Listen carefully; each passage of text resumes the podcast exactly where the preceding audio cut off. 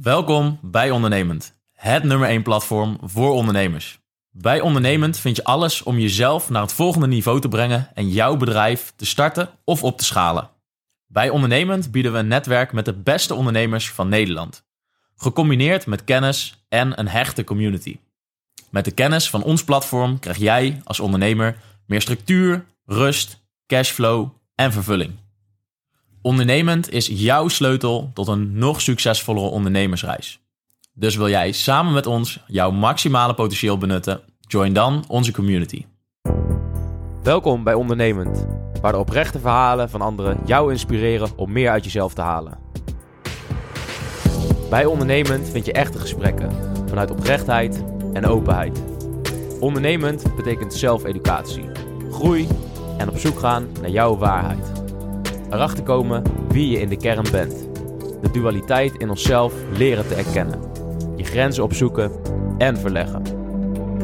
Door onszelf stapsgewijs te verbeteren, zullen we uiteindelijk de wereld verbeteren.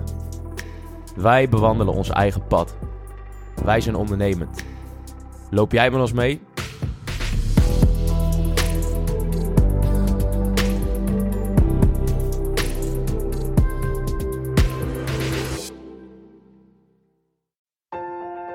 Dat effect had het ook wel, maar dat het zo erg zou zijn, had ik niet verwacht. En dan ga je het vanzelf ook wel vet vinden. Dus dan krijg je er meer passie voor, denk ik, dan dat je, uh, dan dat, je dat van tevoren al hebt. Dus ik denk dat het lastig is om, om van tevoren te zeggen van dit is mijn passie en daarin ga ik, daar ga ik iets omheen bouwen. Ja, en dat is sowieso alleen door te bewegen ga je, leren, ga je ontdekken zeg maar, wat, je, wat je wel en niet vet vindt en wat je wel niet wil doen en wat wel en niet werkt. Dus die vroeg, oh, heb je ook bij Rick besteld? Zei ze, bij Rick? Dat heb ik als Valentijns cadeau gekregen van, uh, van mijn man. Ze had die man gevraagd, die wist helemaal niet dat het voor mij was. Dus gewoon niet gaan haast bouwen is wel, uh, denk ik, veel waardevoller dan direct de geld in moeten halen. En, het tweede jaar Feyenoord ben ik heel het jaar geblesseerd geweest. Toen nog een jaar bij NAC. Ja, gelachen, maar geen één keer meegetraind. Gewoon heel het jaar bij de. Ja. Nou, ik, ik, zie vrijheid meer als, ik zie vrijheid meer als uh, zelf de keuze kunnen maken. Als er weinig mensen zijn naar wie je hoeft te verantwoorden, denk je als je wakker wordt, oh, laat me vandaag maar even wat rustig aan doen, zeg maar. En dat was, ik heb echt letterlijk alleen een bureau staan en een stoel, zeg maar. En hij komt binnen en hij ziet mij in het hoekje gewoon liggen. en hij riep me, maar ik ben niet wakker. Lieve luisteraars, Welkom bij een nieuwe aflevering van Ondernemend, de podcast. We zitten hier vanavond in de kas bij de Alsmeerse Bloemenhaal van Tom.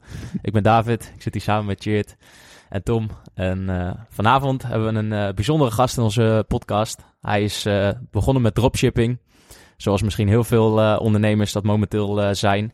hij heeft het uiteindelijk doorgezet naar een eigen webshop, wat geleid heeft tot, tot een fulfillmentbedrijf. Daarnaast is hij ook nog uh, topsport voetballer geweest. Dus hij kan ons alles vertellen over, uh, over mindset en over hard werken. Rick Schippers, welkom in de podcast. Dankjewel, mooie intro. Ja. Heel snel, uh, in de kan die, hè? 20 jaar toch best, best kort samen. Heel snel alles verteld. Heel snel, heel snel. Nou, dat, is ook een einde. ja, ja, ga naar huis. Dit was de podcast. Afsluiten. Nee, Rick, welkom in de podcast. Dankjewel. ja, we zijn eigenlijk bij jou gekomen vanwege uh, eigenlijk de ja, fulfillment en, uh, en het verhaal eromheen. Ja. En uh, nou ja, we hebben net al wat, dingen besproken. En nou ja, het blijkt eigenlijk wel dat je al veel, veel gedaan hebt. Ja. ja. bijvoorbeeld Luna Bodin, waar je mee begonnen bent, de sieraden ja. webshop. Ja. Zou je daar eens wat over willen vertellen? Zeker Waar ben jij begonnen als Helemaal ondernemer? vanaf het begin. Ja. Wat, wat, ik net zei, ja, voetbalachtergrond komen we misschien later nog wel op. Um, toen ik een jaar of 16, 17 was, denk ik, ben nu 20 slepende blessure die nog steeds niet is opgehouden, zeg maar. Daar gaat ook nooit meer, nooit meer over. Um, toen een operatie gehad, zes weken niet lopen. Um, in principe gewoon heel veel op bed liggen. Um, gevolg daarvan was gewoon heel simpel. Ik denk zoals de meeste gasten het nu ook hebben, een beetje rond die leeftijd of iets ouder. Googelen, hoe kan ik thuis geld verdienen of weet ik veel wat. Of volgens mij was toen zelfs het doel van, ik wil straks gaan studeren, hoe kan ik, volgens mij had ik uitgerekend 900 euro in de maand bij elkaar krijgen om te kunnen leven daar, zeg maar. Um, zo is toen gestart. Joshua Kaats tegengekomen op die online zoektocht, zeg maar. Die staat wel vrij, vrij bovenaan, denk ik, bij de meeste zoekopdrachten in die hoek. Um, alles gekeken, rustig aangestart. Uh, niet heel serieus. gewoon general store van alles gedaan. Ehm, ik denk zes tot negen maanden dat gedaan toen. Ehm, zonder dat het heel groot werd. Gewoon een hoop getest, hoop eh, geleerd van boekhouding tot dan... eh, nou ja, gewoon echt, echt van alles. Ehm, dat is toen, rond- na de zes, negen maanden, ik weet het specifieke verloop niet meer, eh, waren er een paar sieraden die op de General Store hard gingen. Ehm, toen was ik veel contact met Nathan, wat toen mijn, comp toen mijn compagnon werd, online ontmoet. Via een, eh, via een cursus toen de tijd, Daantje Goedhart. Ehm, toen kwam het idee, we gaan, we gaan het samen doen, want we konden onze krachten best goed bundelen. Hij was al langer bezig met HANA. Eh, dat zijn verzwaringstekens eh, en accessoires, Ah, ja. zeg maar. Dus hij wist al hoe het was om voor te importeren, om op die manier te werken, zeg maar. Ehm, en ik was wat meer van het gas geven van sneller groeien, zeg maar. Dus we vonden het wel een goede combi. Ehm, toen besloten we gaan allebei los van elkaar twee weken iets opstarten. Waarbij hij toen voor de satijnen hoeslakens ging en kussen slopen. Ook omdat het bij een Amerikaan hard ging. Eigenlijk zoals die andere twee ook heeft opgebouwd. Eh, ik ging toen door met die sieraden die ik had gedropshipped. Ehm ja, twee weken is achteraf gezien natuurlijk heel kort en heel onlogisch om dan al een conclusie te trekken. Maar hebben we toen wel gedaan. Dat was gewoon de afspraak van twee weken. ja. We vergelijken het gewoon met elkaar. En niet per se van dit is een goed resultaat, dit is een slecht resultaat. Maar gewoon degene die het beter doet, daar gaan we volle bak voor. Ehm, dat hebben we toen, eh, wanneer was het? Ik denk nu eh, anderhalf jaar geleden ongeveer. Jaartje maar gedraaid. Ehm, ongeveer op driekwart van dat jaar heb ik Nathans aandelen overgekocht. Eh we zaten er eerst 60-40 in. Eh, hij was nog bezig met Balzi en met Hana. Eh, dus toen kwam van, van beide kanten eigenlijk wel het besluit... misschien kan ik beter in eentje ermee doorgaan. Maar eigenlijk vrij kort na, na die overdracht eigenlijk... is het eh, helemaal overgegaan. De Amerikaanse investeerder die erbij kwam. Ehm, waardoor ik dus toen gewoon 100% verkocht. Ehm, en om daar nog aan toe te voegen... de laatste maand, anderhalve maand... dat, we, dat ik Luna zelf nog draaide... Ehm, zijn we de logistiek zelf gaan doen, waarbij we het voorheen altijd uitbesteed hadden aan andere verfilmpartijen. Ehm, zijn we toen zelf gaan doen. Ehm, en zo is het balletje een beetje gaan rollen tot waar we nu zijn. Uh, verfilmend bedrijf eh, voor webshops. Variërend van sieraden tot kleding tot uh, bol.com verkopers die allerlei dingen verkopen. Ehm, dus zo eigenlijk vrij, vrij organisch gelopen. Eigenlijk een soort eigen behoefte opgevuld uiteindelijk. Ehm, maar wel echt het idee dat ik nou wel op mijn plek zit en dat we de komende tien jaar wel eh, dit blijven doen. Nice. Ja, is een mooi vooruitzicht. Weet ik Ja. in ieder geval waar ik aan toe ben. ja precies. precies. Nou, in ieder geval mooi dat je dat gevoel hebt inderdaad. Ja. Dat, je, dat je daar wel zeker van bent. Ja. Maar ehm, van, vanaf dat, dat hele traject, zeg maar, vanaf het begin van Luda Bodin, dus het begin dat je die twee weken ging eh, testen tot aan dat je het verkocht. Ja. Hoe lang ben je toen bezig geweest? Ik denk dat we een jaar hebben gedraaid. Gewoon heel, Echt, ja? heel het kalenderjaar 2021, zeg maar. Oké. Dus eh, om en nabij. Ja. is vrij snel gegaan. Eh, Van, vanzelfsprekend zou ik het nu, als ik terugkijk, volledig anders aanpakken. Of niet, niet volledig, maar heel veel anders aanpakken. Ehm, plus, eh, wij zien natuurlijk nu met het huidige bedrijf ook heel veel vette merken. Waarbij je ook heel veel inspiratie op doet. Nou heb ik wel gezegd van, we gaan daar niks mee doen. Of het nou, hoe, hoe erg het ook gaat kriebelen, zeg maar. We gewoon ons focus op, op de logistiek. Ehm, ten eerste vind ik dat netjes tegenover onze klanten, omdat we eh, daarmee een beetje de privacy bewaren. Maar aan de andere kant ook gewoon focus. We willen één ding heel goed doen. En ja, hoe, hoe vet het ook is als je, als je dingen ziet die je zelf had willen toepassen, zeg maar. Ja. Eh, is gewoon die focus op, op de logistiek. En die houden we. Kijk, Hm. hey, en je zegt net van, eh, als ik nu een beetje terugkijk op dat proces, voor hoe ik toen met dat bedrijf ben begonnen, zou ik het nu heel anders aanpakken. Wat zijn Ja. dan fouten geweest die jij in het begin veel gemaakt hebt, zeg maar? Ehm, dat is ook omdat ik nu merk hoe vet ik dat vind, eh, fysieke locatie hebben. Dus ik zou gewoon een kantoor huren en alle enkel personeel aannemen als dat daar gaat zitten. Dus de mensen die aan Luna werkt heb ik nooit gezien. Dus minder, minder band mee en minder, eh, minder het gevoel dat je echt iets aan het opbouwen bent, had ik.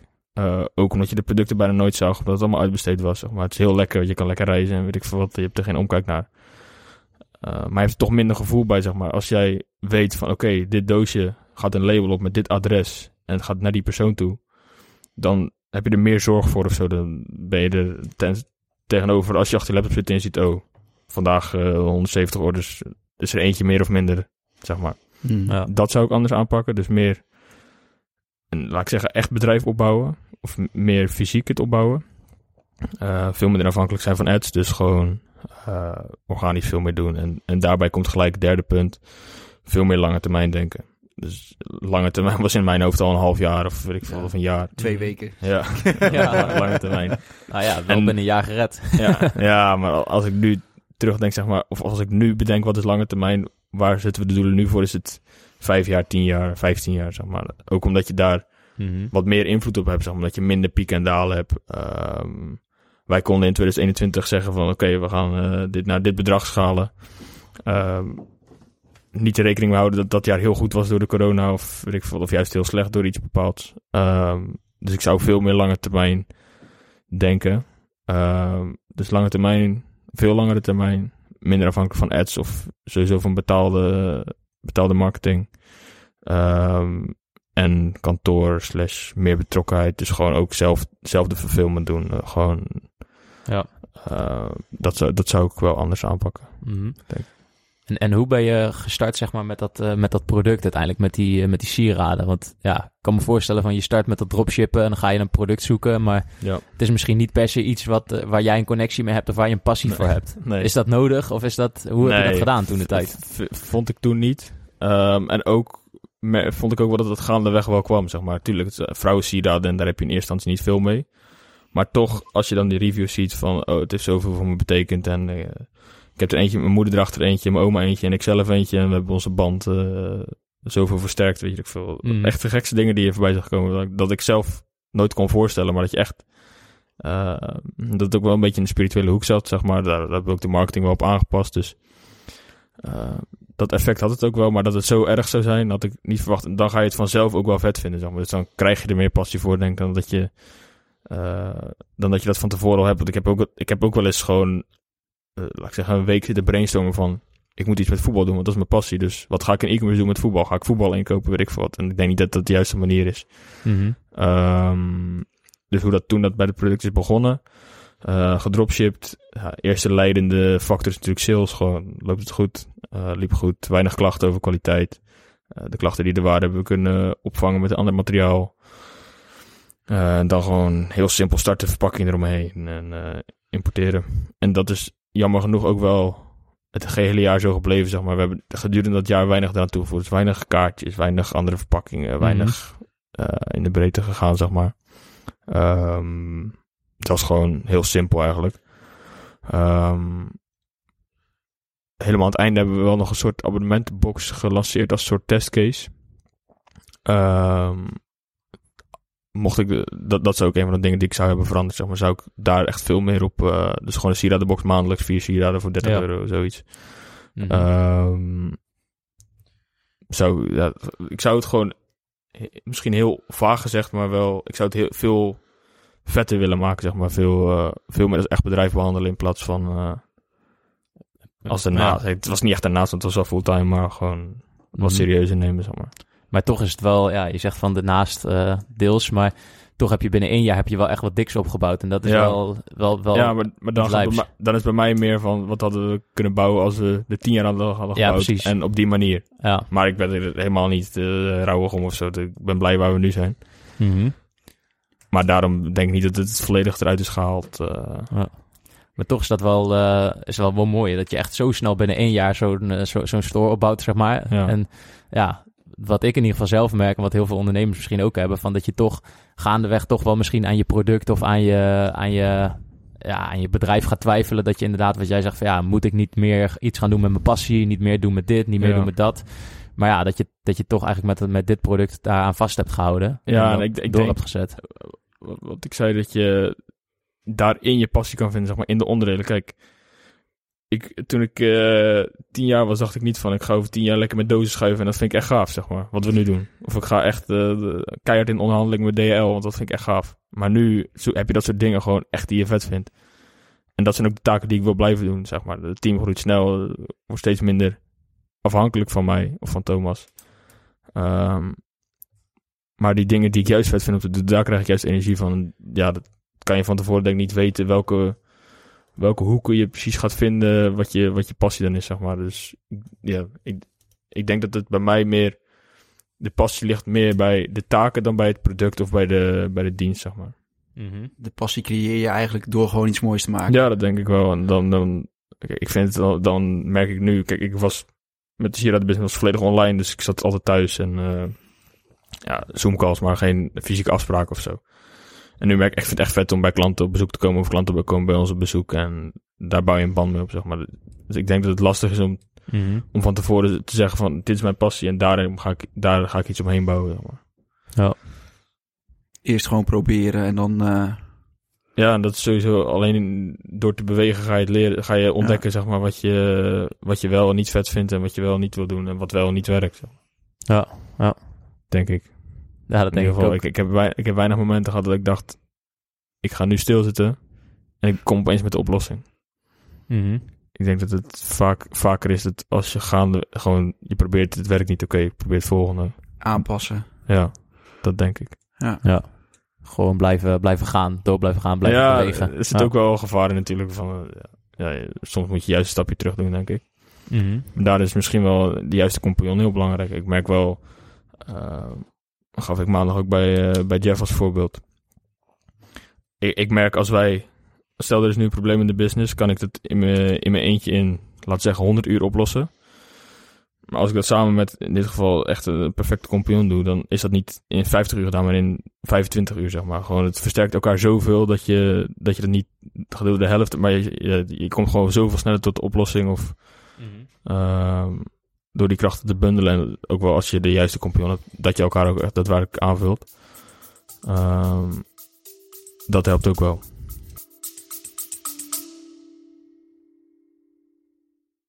Welkom bij Ondernemend, het nummer 1 platform voor ondernemers. Bij Ondernemend vind je alles om jezelf naar het volgende niveau te brengen en jouw bedrijf te starten of op te schalen. Bij Ondernemend bieden we een netwerk met de beste ondernemers van Nederland. Gecombineerd met kennis en een hechte community. Met de kennis van ons platform krijg jij als ondernemer meer structuur, rust, cashflow en vervulling. Ondernemend is jouw sleutel tot een nog succesvollere ondernemersreis. Dus wil jij samen met ons jouw maximale potentieel benutten? Join dan onze community. Hoe vind je volgens jou dan een goede compagnon?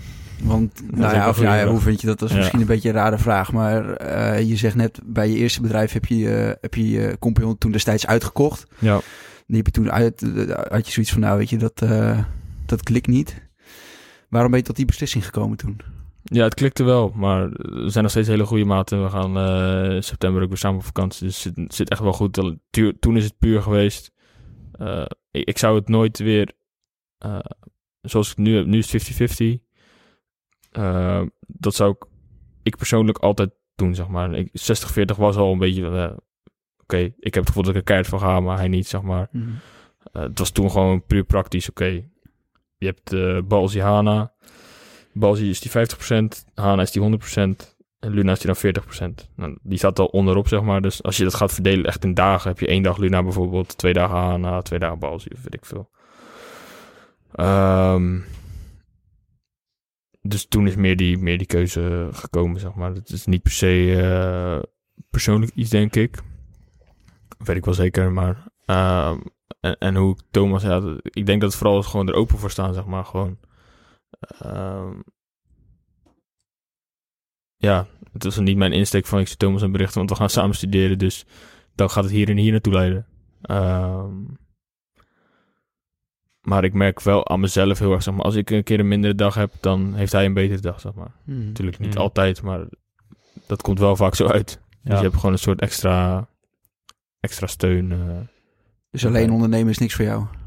Of tenminste, dat raak nee, je niet ik, aan. ik, ik zou, en dat spreek ik ook heel vaak naar hem uit. Misschien wel iets te vaak dat hij een beetje te veel veren in Ja. zijn reet, eh, Ja. reet krijgt.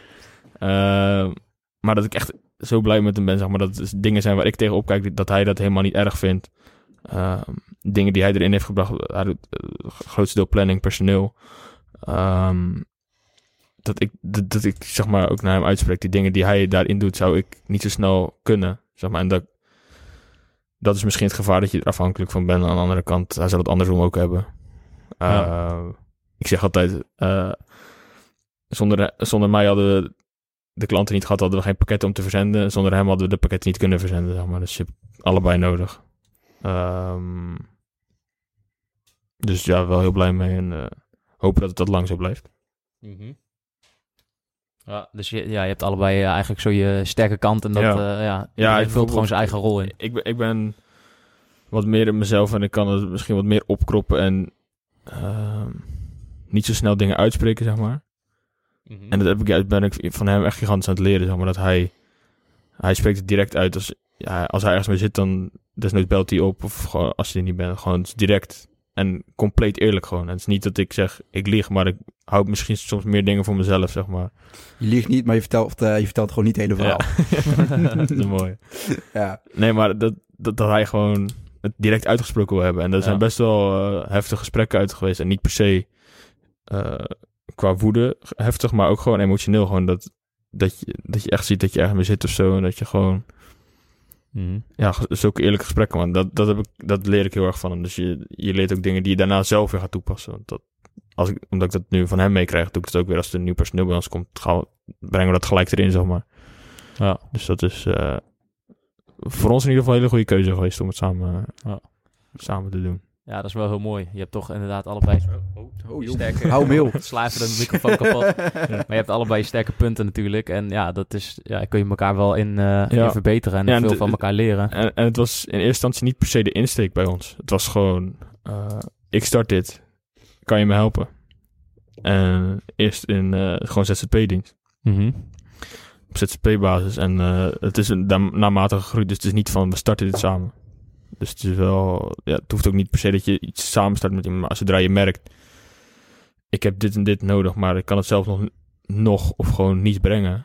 eh, kan er iemand bij komen. Dus een hele simpele oplossing. Om, eh, aan de andere kant wel een dure oplossing. Zeg maar, als je 50% van de aandelen moet opgeven, Ja. moet, moet het het wel waard zijn. Anders kan je ook iemand heel goed in dienst nemen of eh, zoiets dergelijks. Ja, en vaak toch gevaarlijk, denk ik. Je, je hoort natuurlijk ook wel dat het met, eh, met de compagnons niet altijd goed gaat. Ja, je, je, weet hebt natuurlijk niet verhalen. Ja, ja, hoe goed je elkaar kent van tevoren, maar dat leer je pas echt gaandeweg. Dat, dat is denk ik wel moeilijk, wat Tom net ook zei van... Ja. Hoe vind je een goede compagnon? Maar ja, ik denk Ja. dat je dat uiteindelijk pas weet als je een paar maanden of ja. een paar jaar misschien bezig bent. Als, je, als je het bedrijf hebt verkocht, denk ik, dan, eh Ja, dan weet je je, het. je ligt naast elkaar Kun je op zeggen je hoe je het gedaan hebt. pizza. Ja, lig je naast elkaar op je pizza en dan zeg je nou, Ja, dat is een goede compagnon of, of niet. Of, Ja. of het is ondertussen... Of je ligt in de groot. Ja, ja, ik ja, ben ook. Ja. ja, het is toch denk ik eh, gaandeweg dat je dat ook moet, eh, Dat denk ik ook. moet ja. ondervinden. Ja, maar ik ben er blij mee. Mhm. Maar toen ehm, met Luna Bodin, je Ja. bent toen eh, ja, een jaar gaan knallen eigenlijk. daar alleen maar mee bezig eh, geweest. Ja. Tenminste, toen, toen was je ook niet aan het studeren, toch? Nee. Ja, twee weken. Twee weken heb je geprobeerd. Ja. Toch knap. Dat, eh, Of dat was het daarvoor al, ik weet, ik weet het niet eens meer. je hebt twee weken geleerd om ondernemer te worden. En toen Ja, dacht je van, eh, dat kan ik zelf beter. Ik ga toepassen. ja. Twee weken leren en daarna toepassen. Nee, ik was toen... Dat was voor, voor Luna, weet ik nog wel. Want toen was ik met de dropship business bezig. En eh, ik zei, het is niet heel groot geworden, maar we hadden wel wat lekkere maanden ertussen. Mhm. En toen denk ik een beetje, achteraf een beetje misplaatste arrogantie van... Oh, ik kan het zelf ook wel, zeg maar. Of... eh, ja, studie, studie niet nodig, zeg maar. ja, En het zat er al een beetje in, zeg maar, van... Het is niet puur de enige reden geweest van...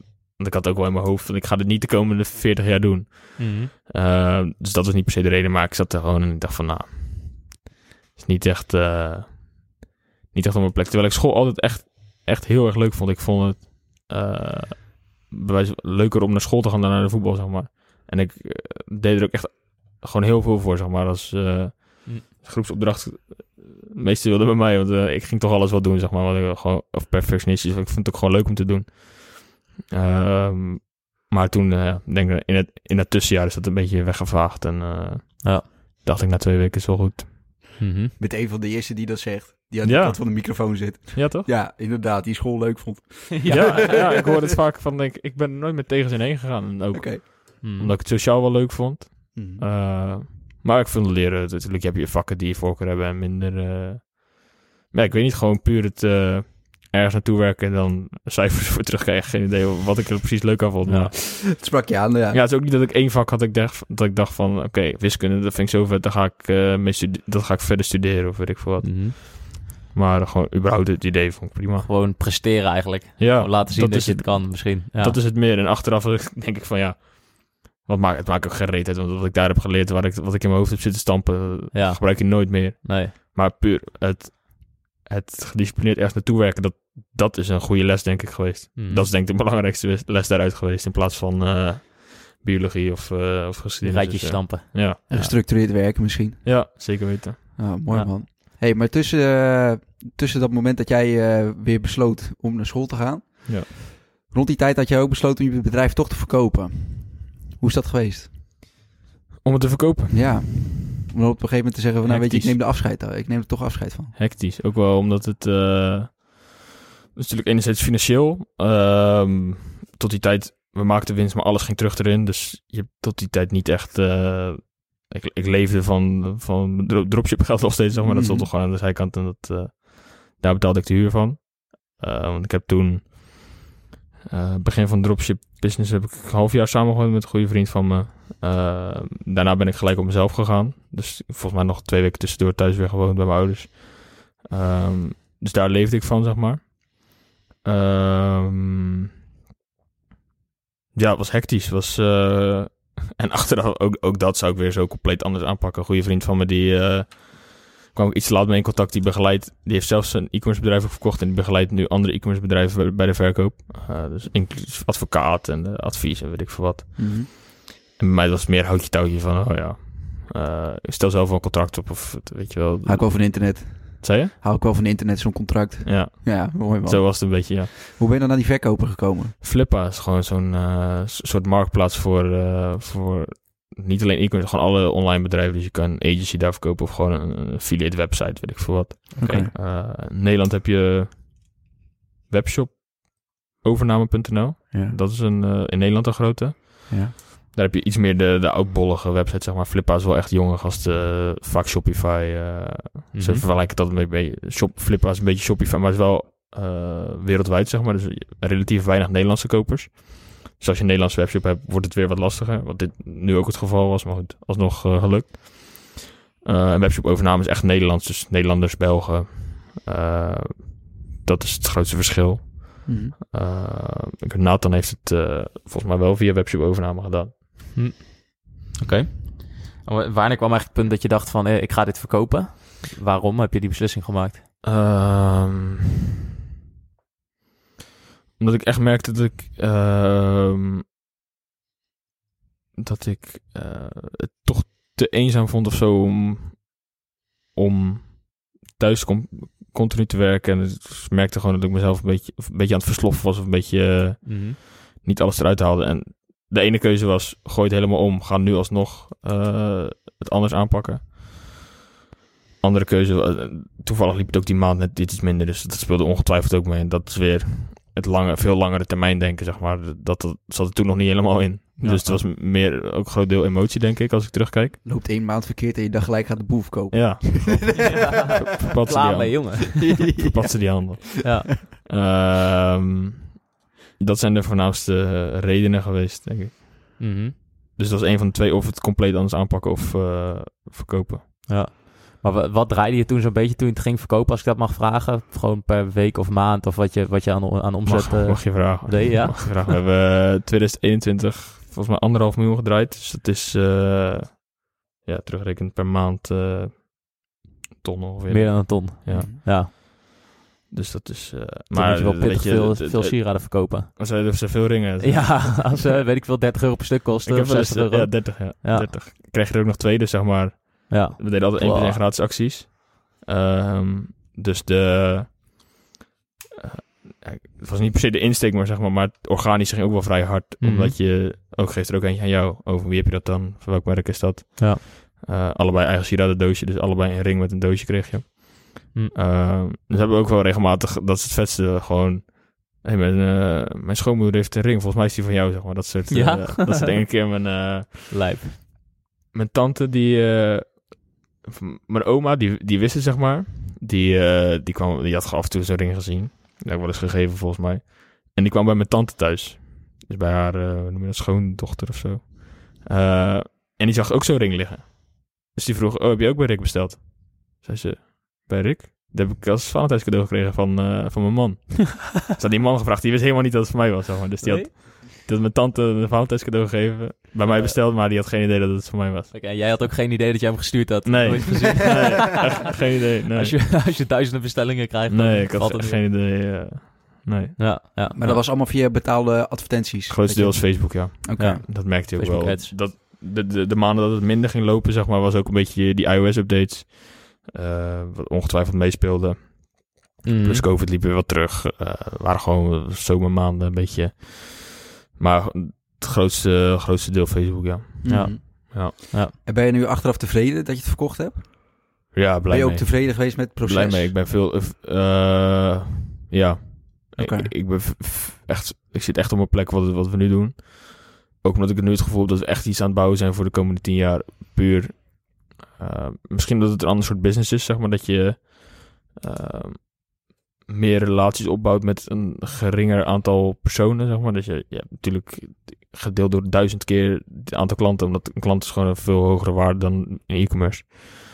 Ehm, dus ik heb veel meer het idee dat we echt een reputatie opbouwen, dat we echt mond op mond meer aan het opbouwen zijn. Dat dat echt, eh, ik vind het gewoon vet om te bouwen in plaats van, met Luna was het toch, toch nog de insteek van, oké, we moeten deze maand wel echt goed draaien. Mhm. En nu is het, ah, maak me gereed uit wat we deze maand doen.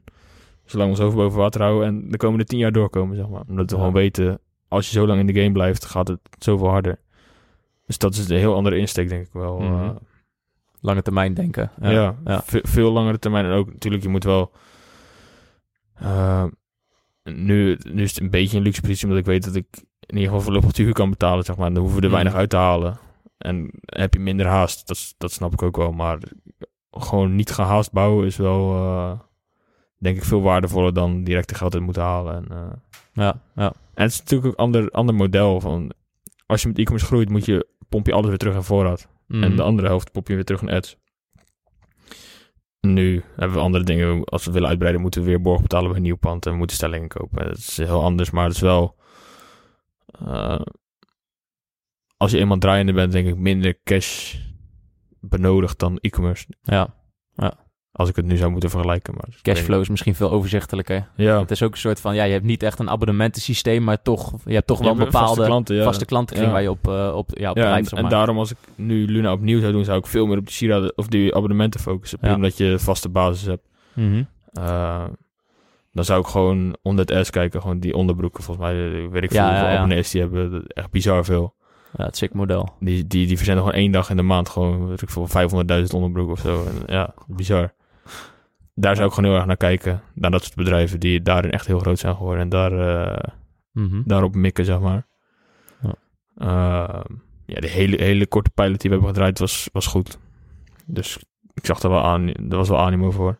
Alleen het is veel langer nodig, omdat eh, dat is ook weer, denk ik, omdat ik nu steeds meer lange termijn focus, zou ik dat ook steeds vetter vinden. Omdat dat ook iets, ja, je maakt de eerste maand daar geen winst op. Zeker die onderbroek is de eerste maand gratis, ja.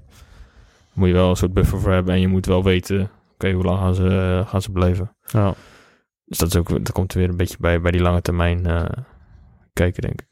Maar hoe heb jij, zeg maar, in dat, in dat jaar met Luna Bodin, want ik denk dat er heel veel mensen zijn die, eh, die, die verkoop op Bol doen of met Joshua Kaats of een andere cursus dropshipping doen. Ja.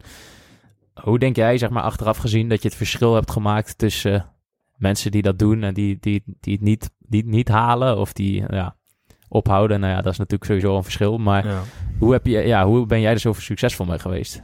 Hoe komt dat, denk ja je? goede vraag. Probeer ik ook nog steeds te Geluk of... Nee, ik weet niet. Ik, ik denk dat... eh, ik denk dat geluk niet helemaal is uitgesloten, zeg maar. Want je moet net op het juiste moment, zeg maar... Ook al gaat, gaat het vier maanden, de eerste vier maanden ruk, zeg maar. Je moet net op het juiste moment... Het moment dat je wil stoppen, zeg maar, net zo'n aanhakingspunt hebben van... Oké, nu ga ik toch door, zeg maar. En ik denk dat het een groot deel is dat ik gewoon heel optimistisch ben. Dat ik dan heel, heel snel gewoon zie... Oké, dit is wel iets waardoor ik door kan gaan, zeg maar. Ehm, een voorbeeld gewoon, st- stel je draait dik verlies, maar je hebt wel sales. Oké, daar kan ik op voortbeduren. Er, komen, er zijn mensen die willen, maar het gaat iets nog niet goed. Zeg maar. Eh, dus ik denk, optimisme is een belangrijke. Eh, wat ook gevaarlijk kan zijn. Als je te, te optimistisch bent en je ziet daardoor de problemen niet. Ehm, plus heel gedisciplineerd werken, denk ik. Gewoon veel uren maken. Ehm, en daar volledig voor gaan, dus niet ernaast doen. Gewoon... eh, en voor mij was het ook gewoon niet anders weten, zeg maar. Ik, ik, ik heb nog, nooit een bijbaantje gehad of zo. Puur omdat het toen ik was, ik was 16 had. En ik, daarvoor voetbalde, was altijd voetballen. En school, daar heel veel tijd in. Dus ik had niet echt... Ik had er wel tijd voor kunnen maken, maar ik ben toen niet met een bijbaan begonnen. Dus ik wist ook gewoon niet per se anders nog of zo. Dus het was voor mij ook niet echt van, ik heb geld nodig of... Het was helemaal... eh, ja, gewoon lekker bouwen. Of tenminste niet echt bouwen, maar lekker knallen. Ja. Eh, ik denk dat de grootste, grootste ding optimisme, gedisciplineerd en, eh, en geen haast of zo. Mhm. Terwijl ja, dat is ook een beetje tegenhangen van, Ik kon net zeggen, je spreekt jezelf wel een beetje tegen, Ja. maar dat maakt niet uit. van, veel, van veel uren maken. Ja, ja. ik denk, eh, die heb ik in mijn, in mijn slaapkamer ook hangen van, dit is volgens mij van Gary Vee, maar die heb ik zelf begreep ik een beetje ver- verdraaid als micro speed, macro patience. Dus korte termijn gewoon keihard beuken. Ja, vandaag Echt lang, lange, lange dagen maken, veel dagen maken. Maar Mhm. lange termijn denk ik. juist geduld hebben. Ja. Dat is denk ik een... dat spreekt mezelf toch niet helemaal te. Nee, ik vind Nee. het ook netjes hoor. Maar, ja, klopt. Maar, ehm, dus eigenlijk toen jij thuis woonde nog, Ja. had jij het bedrijf al wel zo ver uitgebreid dat je er eigenlijk wel van kon gaan leven, zeg maar. ja, daar ben ik toen wel met Jeffrey samen de huur van gaan betalen. Dat natuurlijk scheelt wel de helft. Als je met z'n tweeën eh, de huur betaalt. In Mhm. plaats van in je eentje. Ehm, maar toen was het wel... eh, maar heel eerlijk gezegd, zeg maar... Ik had toen ook oprecht geen idee van inkomstenbelasting en weet ik veel wat. Zeg maar. Dus ik dacht, nou ja, ik heb dit geld op mijn rekening. We moesten het voor minimaal zes maanden huren. Oké, dan kan ik zes maanden in ieder geval huur betalen. Ja. Let's go. Ja. Ja, zo simpel was het, zeg maar, ja. Ja. Eh, niet nagedacht over borg en boodschappen en weet ik veel wat. Nee, gewoon niks. Gewoon, eh, wel. gewoon gaan. En dat, dat is wel wat ik het meeste ook heb gedaan. Gewoon knallen en dan achteraf het wel uitvogelen. Tenzij het natuurlijk enorme beslissingen zijn of dingen die echt niet terug te draaien zijn. Eh, maar ik heb het, ja, het slechtste geval. eh, ik, ik, ja, vraag ik aan mijn ouders heel lief. Oké, die, die zesde maand kan ik echt net niet meer betalen. Kan je het voorschieten? Dan ga ik, neem ik alsnog een bijbaan en dan betaal ik het terug. Zeg maar. Ik heb altijd gewoon in mijn hoofd een soort backup plan voor het slechtste geval. Dan doe ik dit. En misschien is dat ook een beetje arrogant of zo, of, of heel makkelijk gedacht. Maar zo denk ik er wel over van, oké, als het echt mislukt, dan eh, ga ik dit doen. Ja. Maar zoals stoppen met school of dat jij op een gegeven moment dacht bij jezelf van ja, weet je, ik ga nu echt fulltime ondernemen. Dat was voor jou niet echt een, een vast punt ergens. Dat was voor jou al gelijk wel duidelijk. Mm, ja. ja, ik ben vaker op de open dag geweest dan op de studie zelf. Ja, Ik ben eh, drie keer op de open dag geweest, twee keer op de studie.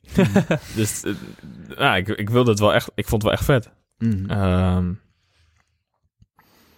maar toen ik er eenmaal was, ik denk dat ik er heel, heel anders wat van had verwacht. En ik denk, ook omdat ik niet echt een typische student ben, slechts was. nee, drink niet. Nee, geen druppel. Dus Nee.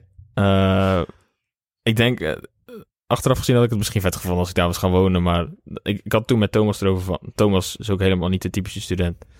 Ik had erover, als wij nou samen gewoon daar gaan wonen. Dat is een ander verhaal. Ja, ik weet het niet. Het is gewoon prima zoals het is gelopen. En ook daarin had ik weer, ja, slechtste geval knal ik drie jaar gewoon voor mezelf. Eh, lukt dat niet, ga ik weer studeren. Ja. Ja, het is niet dat het eh, wegloopt of zo. eh. Mhm. En hebben je ouders dan in die keuzes, zeg maar, he- hebben ze jou daar nog in beïnvloed of gezegd van, ja, misschien moet je toch wel studeren of hoe, Ja. hoe is dat gegaan? Ja, ja, ja. En dat neem ik ze totaal niet kwalijk. Maar het is wel, vooral mijn pa, die wil heel graag, Mhm. die zegt nog steeds voor, nu meer voor de grap, zeg maar, van wanneer ga je weer studeren. ja, ja. Maar die zag ook wel hoe vet ik het vond om gewoon, of niet per se vet, maar hoe best leuk ik het vond om dingen te leren en zo en om, om daarvoor te knallen. En het is natuurlijk wat hij gewend is. Ja. Dus heel simpel. En dat, eh, maar ik denk ook, los daarvan had ik het zelf ook op dezelfde manier gedaan, denk ik. Ik denk niet dat ik, eh, ik, laat me, ik ben ook vrij eigenwijs, dus ik laat me ook niet heel snel eh, ompraten of zo. Maar dat was wel het lastigste na twee weken al zeggen van, joh, denk toch dat ik ermee stop. Ga weer stoppen. Ja, Ja, ja. dat was wel het lastigste, maar eh, verder, ja. Hij ziet nu ook dat het, eh, dat het goed gaat, dus... ja, maar dat, dat was met voetbal hetzelfde. Dat is ook. Ik, de- ik kan er nog, nog niet over meepraten voorlopig. Maar ik denk dat het lastig is om bij je kind te zien, zeg maar, van dat het niet loopt zoals je als ouder in gedachten had of zou willen dat het gaat, zeg maar. Ja. Terwijl het soms juist beter is, denk ik.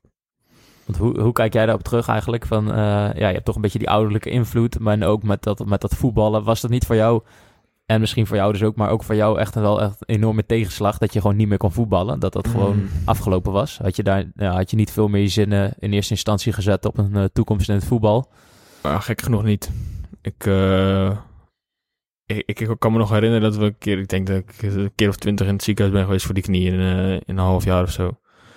Ik kan me nog herinneren dat, dat we toen zo, voor- voor afspraak 15 hadden we een keer een gesprek met de dokter. En toen was het verhaal van, oké, misschien gaat het toch niet goed komen met die, eh, met die knie. En ik had het gevoel van, oké, nu moet ik echt verdrietig zijn of zo. Dit moet ik echt heel rot vinden. Hmm. Maar had, dat gevoel had ik niet, zeg maar. Dus het was een beetje nep doen voor... eh, en achteraf had dat helemaal niet gemoeten, maar mijn vader was altijd bij, zeg maar. Dus gewoon doen alsof ik het echt heel vervelend vond. En als ik dan op de club kwam bij de visio, gewoon een beetje zagrijnig rondlopen van... Ik vind het echt niet fijn. Maar Mhm. in, in mezelf had ik niet per se iets van... Baal ik enorm van. Ook misschien dat het wat langer er al wat aan zat te komen. Dat zou kunnen. Ehm, maar ik ben daarin niet de typische voetballer geweest, denk ik. Ik vond de, eh, de wereld niet super. Ehm, ja, ik, ik had niet het idee dat ik echt. eh, het is altijd. Het gaat er natuurlijk altijd daar ook over, zeg maar. Als je op een feestje komt of zo, ja. Eh, zeker als je bij Feyenoord speelt, ja, dat, dat weten de meesten dan wel. En de vraag is daarna, en je, en altijd inderdaad die typische vraag, het is niks tegen, tegen jou of zo, maar altijd van, eh, oh, het moet vast wel vervelend zijn, zeg maar, die, die blessure, zeg maar. Hmm. Ja. En dan zeg ik altijd, ja, klopt. Dat was een hele bevrijding. Ja. nee. Ja, maar heb je het wel echt leuk gevonden, het voetballen dan? Eh, Ja, maar echt wel als heel- passie? Of... Heel stuk geleden, denk ik. heel lange, lange Ja. tijd geleden, denk ik. Ik weet niet, ik kan... Dat vind ik ook altijd zo, zo bizar, zeg maar, van... Ik kan de moeilijkste gesprekken voeren over eh, op werk en ik kan eh, bij wijze van... Natuurlijk, we zijn op, op een heel laag level nog, maar stel...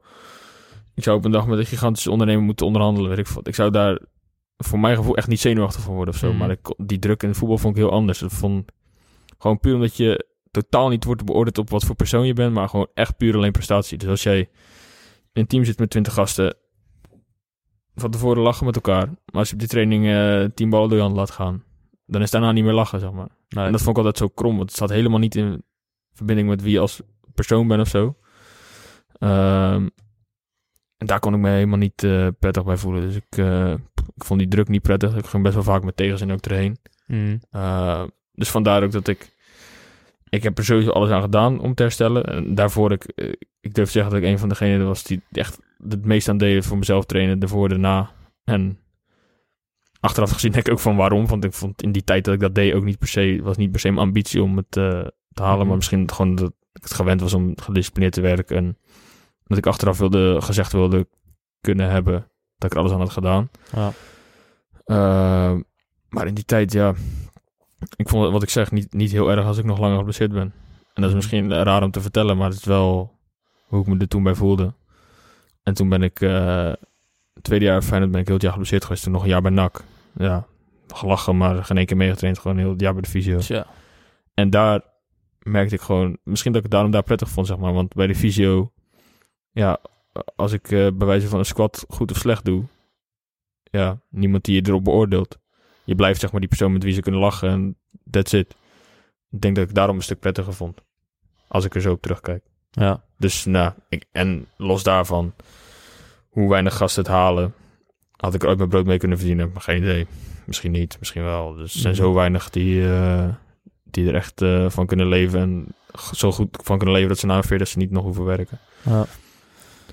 Maar was het niet ook zeg maar een bepaalde ja, bepaalde rol die je dan invult, zeg maar? Doe je het dan echt uiteindelijk helemaal voor jezelf? Of doe je het dan misschien ook bijvoorbeeld om ja, je pa trots te maken? Of om, ja, niet, ja, niet omdat se, het verwacht wordt van je? Ja, niet per se voor, voor mijn pa, denk ik, maar gewoon meer algeheel, zeg maar. Oké, okay, mm. je moet het vet vinden dat je bij Feyenoord speelt. Ja. Maar ook dat, ik heb zeker de laatste tijd ben ik wat, wat langer eruit en spreek nog wel wat gasten die er nog wel in zitten of bij een andere club, weet ik veel wat. En je hoort het wel, Kijk, het is zo raar. Zeg maar, iedereen, iedereen denkt er vaak hetzelfde over. Maar toch, als je in die groep bij elkaar komt, dan spreekt niemand dat uit of zo. Net zoals dat uh, homo zijn heel erg uh, niet besproken wordt in de voetbalwereld, zeg maar. Mm. Terwijl procentueel moeten er gigantisch veel zijn, mm. zeg maar. Het wordt gewoon niet besproken. En dat is hetzelfde van... Ja, die gasten denken, denken ook wel vaker van... Uh, Nou, ik zit niet helemaal op mijn plek of zo, of wat raar, eh, raar zo. Maar iedereen neemt toch, trekt elkaar toch er weer in mee. Ehm, en al die gasten, die komen op verjaardagen en er wordt gevraagd hoe is het bij Feyenoord. Ja, die, die, die hebben er allemaal geen zin in. En die hebben ook allemaal het idee, oké, ja, voor hun is het gewoon normaal, zeg maar. Het is niet... En, en ik weet precies, die gasten weten dat vaak niet eens, omdat die vaak vanaf hun achtste, negende al bij de club zitten en niet anders weten. Nou, ik heb nog het geluk dat ik ook nog iets van een net andere wereld heb meegemaakt. Ik kwam pas met mijn 16 bij Feyenoord. Dus ik weet ook hoe ik er toen naar opkeek, zeg maar. Ik weet nog dat ik die brief van Feyenoord keek. Eh, Ja, mijn dag kon niet meer stuk, zeg maar. Of mijn hele, mijn hele jaar bij wijze van. Ja. Terwijl als je, al ben je er pas al drie maanden, zeg maar, dan is het al normaal. Mm. Dus dat is, ja, zolang je het niet hebt, eh, het is net zoals, ik denk, eh, de grootste ondernemers vinden het ook niet bijzonder wat ze doen, zeg maar. Denk ik. Dus dat is een beetje eh, het, eh, het verschil tussen van buitenaf en de, van binnenin, denk ik. Ja, ja. Ja, ik denk toch ook wel als je met zoveel gasten bij elkaar zit, vooral in zo'n team en zo, dus ook een bepaalde cultuur die je dan, Ja, die je dan zeg maar eh, overeind houdt. En dat, dat is toch Ja, een bepaalde sfeer die je met elkaar hebt. En daar kom je ook niet zomaar onderuit, zeg maar. ja en Ik- dat is, eh, nee, ik kon, ik kon het, in de kleedkamer had ik helemaal geen grote mond. En terwijl ik nu, als ik op werk sta, zeg maar, met, met eh 15 eh, gasten of zo, ben ik vaak degene die de grootste mond heeft en de grapjes maakt, zeg maar. Dus Mhm. ik zat daar niet helemaal op mijn plek. Terwijl ik met de, ja, mijn ik denk gast of, gast of drie, vier, zat ik, waarmee ik het team zat, zat ik ook bij in de klas. En daarmee praat ik continu, zeg maar. Dat is gewoon heel anders. Maar het is gewoon, eh, ja, andere wereld. Ja. En nu heb je een compagnon die je er een beetje uittrekt. Ja, Kijk, ook leuk. ja, zo is het. Zo Ja. is het. Hey, en nou ja, op een gegeven moment eh, trek ik hem weer eventjes zoiets verder terug naar het nu. Ja. Bedrijf verkocht. Daarna dacht ik bij jezelf, ik ga weer studeren, toch maar weer mee gestopt. En toen begonnen met TRL Fulfillment. Ja. Hoe heb je de start van dat bedrijf aangepakt? Mm, ik heb in de e-commerce tijd best veel... eh, ik ben best veel van het lijntje uitgooien. Hier een praatje, daar een praatje, een beetje netwerken. Dus de eerste paar klanten waren dat gewoon gasten die ik al kende of via via net kende. Of van ik weet, die kent die. eh, voorstel doen. Eh, we zijn... We hebben ook als strategie wel, we zitten vrij scherp in de tarieven, dat weten we ook. Eh, maar het is ook hoe meer volume wij kunnen toevoegen, hoe scherper wij kunnen onderhandelen met DL, met PostNL. Hoe lager, hoe groter de marge weer wordt, zeg maar. Uh, en dat is heel simpel gezegd. Het is voor veel ook gewoon... Tarief is een van de belangrijkste factoren om over te stappen. Maar wat ook heel erg aansprak is dat ik zelf ervaring had in e-commerce. Dus makkelijk meepraten, makkelijk dingen even fixen. Dat, dat, is, uh, dat is fijn. Plus we zitten heel scherp in het buitenland. En dat zijn eigenlijk allemaal dingen waar ik zelf tegenaan liep. Dus bij een van de partners waar we, waar we klant waren, hadden ze ook uh, samengestelde tarieven. Dus je betaalt en voor inslag, voor opslag, voor verpakking, voor verzending, voor retouren, weet ik wat. Andere partner waar we klant zijn geweest, hadden ze al in tarieven. Nou, dat werkte veel prettiger. Je weet van tevoren, oké, als ik verzend naar Nederland, betaal ik dit. Als ik verzend naar België, betaal ik dit. Uh, dat is een van de drie die, we zijn toe. Daarnaast deden wij met Luna de helft van de omzet naar Duitsland. Uh, nou, kon Nederland heel weinig goede partners vinden die uh, ook over de grens heel scherp en snel zaten. Uh, dus die zijn we zelf gaan aanvliegen. En een persoonlijke aanpak gewoon. En dat is uh, voor nu ook een hele grote onderscheidende factor. Op, ja, stel je wel een flyer erbij of weet ik voor wat. Of, wat veranderen. Uh, wij proberen echt meer een soort logistieke afdeling van, van het e-commerce bedrijf te zijn. Ten opzichte van echt een losstaande bedrijf waar je dan uitbesteedt. Um, dus zo hebben we het begin ingezet. En uh, dat is via via snel gaan groeien. Uh, daarna wat meer outreach gaan doen naar merken die we, waarvan we wisten dat ze bestonden, maar de eigenaren niet kenden of zo. Gewoon outreach gedaan. Uh, daarmee in contact gekomen en zo is dat gaan groeien, zeg maar. toen, oude pand, zaten we op een gegeven moment gewoon vol. Hebben we gewoon gezegd, oké, okay, toen hadden we een wachtrij voor twee maanden of zo. Dus zijn we twee maanden geleden verhuisd. En nu hebben we die wachtrij bijna afgewerkt. En kunnen we weer, weer aan de salesmachine gaan draaien. Zo. Maar zo is ja, het grootste deel is via via gegaan aan het begin. En hoe, hoe lang is het nu geleden dat je begonnen bent? We zijn in oktober hebben we uh, die switch gemaakt, zeg maar. Dus rond oktober is het verkocht en zijn we dit echt gestart, zeg maar. Ja. Maar anderhalve maand daarvoor hebben we de verfilmd voor de sieraden zelf al gedaan. Zeg maar. Oké, okay. en toen ook al redelijk snel personeel aangenomen? Ja, ja, na, denk uh, februari kwam de eerste erbij, denk ik. Duurde wel even, want, uh, ja, we hadden gewoon een soort, soort orde aantal per dag in ons hoofd. Daar moeten we overheen. En dan eh, verbranden we geen geld, zeg maar. Mhm. Dus ja, dat, dat was gewoon zelf. eh, we hebben later cut-off tijden. Het wordt om één uur s'nachts opgehaald, de pakketten. Stonden we zelf gewoon om de avond om, tot één uur s'nachts in de loods. Ehm, wat ook heel leuk was, maar nu gelukkig niet meer. Eh, dus we zijn toen maart is volgens mij de eerste erbij gekomen. Nu zitten we op eh 15, geloof ik. Wel, gewoon wel, het is natuurlijk wel grotendeels personeel, eh loodspersoneel. Dus echt niet Ja. allemaal fulltime. eh ik denk ze gemiddeld 20 uurtjes draaien of zo. Dus, Ja, Maar ja, alsnog, hoe, hoe ga je ineens om met zo'n groei? Als je in één keer zo'n peloton aan jongens eh, in één keer in je bedrijf hebt werken. Als Thomas, Thomas lief aankijken. Ja, ja, het personeel. Ja. Jij bent een sociale man. Ja, ik zit, eh, ik zit in mijn eentje een beetje achter de laptop daar eh, op kantoor. En, eh, nou, hij is wel oprecht een sociale man, maar dat is, ook dat is weer veel via via gaan. Oh, waar word jij eh, vet, kom ik daar ook heen, zeg maar.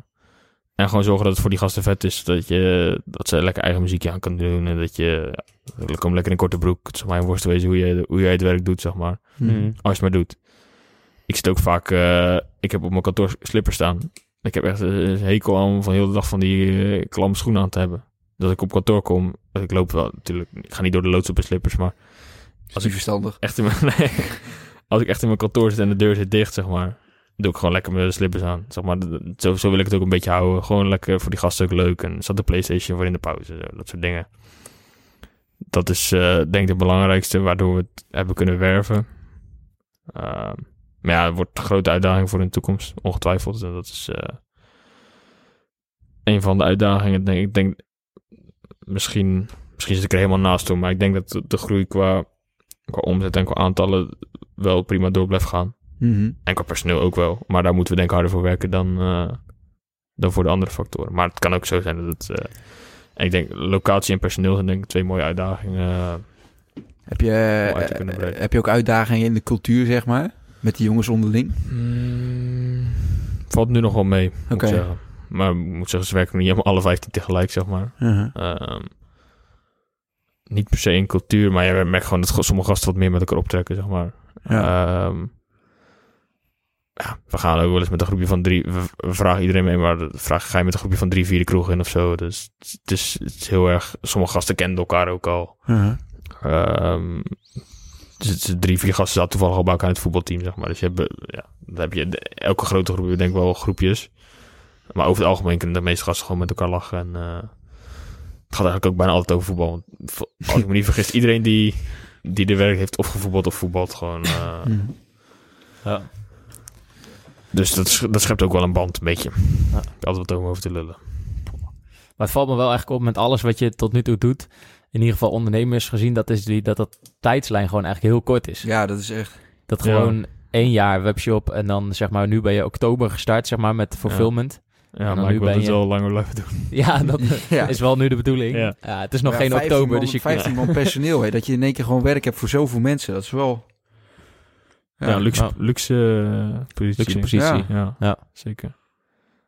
Maar ja, wat ik ook zeg, echt niet alle 15 tegelijk. Maar, eh, maar inderdaad, maar ehm, voor ons gevoel is, is het relatief makkelijk van 0 naar 1 te- gegaan. Maar we moeten nog van 1 naar 100 natuurlijk. Dus het is, eh, Ja. dat, dat, dat wordt een hele flinke uitdaging. Maar ik, ja, wat, ik, wat ik zeg, wil ik, wat, wat jij zegt, wil ik juist niet hebben. Dat ik van het een naar het andere op. Mhm. Dat is ook niet het gevoel dat ik nu heb. Het is meer eruit doorgekomen en nu op die bestemming bereikt, zeg maar, dat, dat we daar kunnen doorbouwen.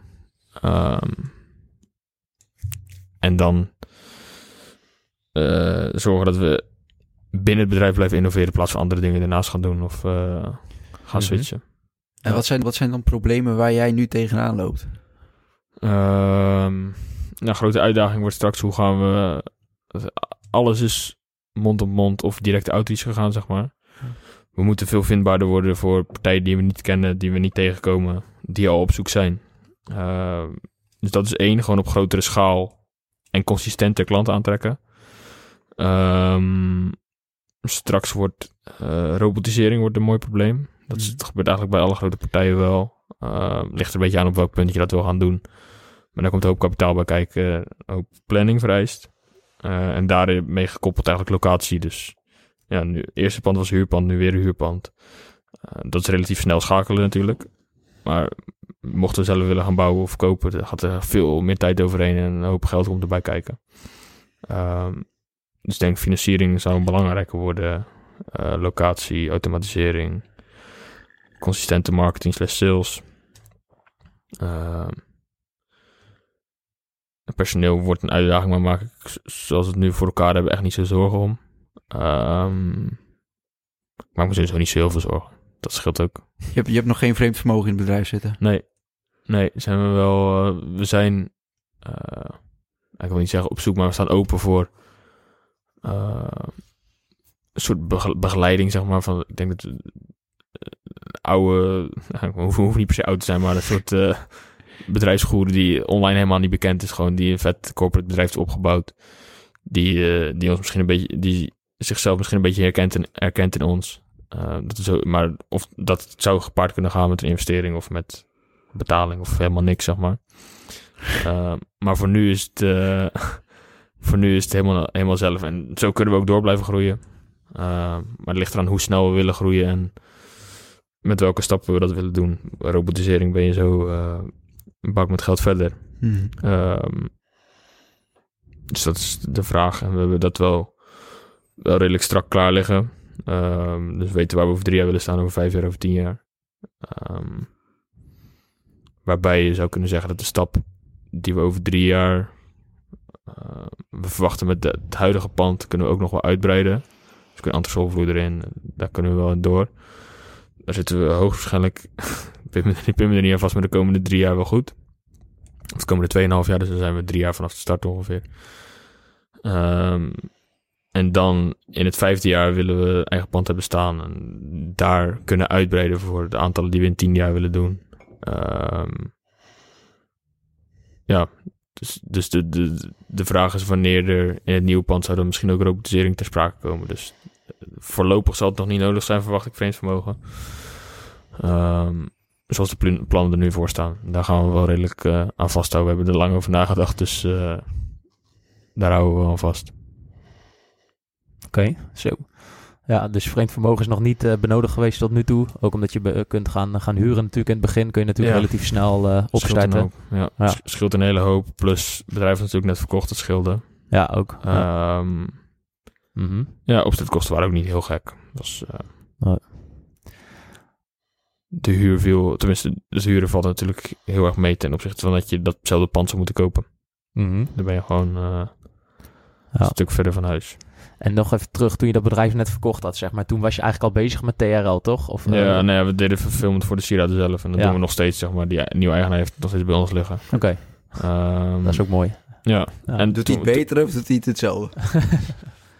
toen doe ik geen uitspraak. Oh, sorry. Nee, joh, Dat is niks Ehm, Maar ja, eh, zeg maar, je ging wel, zeg maar, toen in, Ja, in die de- overstap ging je door. er waren al wat gasten die vroegen, Ja. waar doen jullie het, zeg maar. Maar het is niet zo dat je het eh, verkocht had en dat je toen echt, ja, toen had je niet van, eh, wat ga ik nu eens doen? Want toen was je al echt daarmee bezig. zeg maar. Nee. Ja. Ik heb niet zo, eh, niet echt stilgezeten of zo Nee. eh, tussendoor.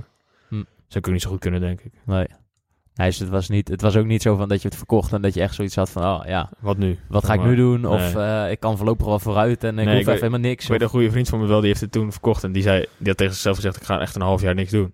Maar na Twee anderhalf- weken. Ja, anderhalve, anderhalve maand begon die ook weer eh, te knallen. Ja. Dus ja, het ligt er een beetje aan hoe je aan doen. bent. Maar ik zie het niet. Ik, ik verwacht ook niet dat ik ooit met pensioen ga of zo. Zo, ja, het ligt eraan hoe, hoe mijn gesteldheid dan tegen die tijd is, zeg maar. ja. Mhm. Maar niet, laat ik zo zeggen, niet per se vervroegd met pensioen om... eh,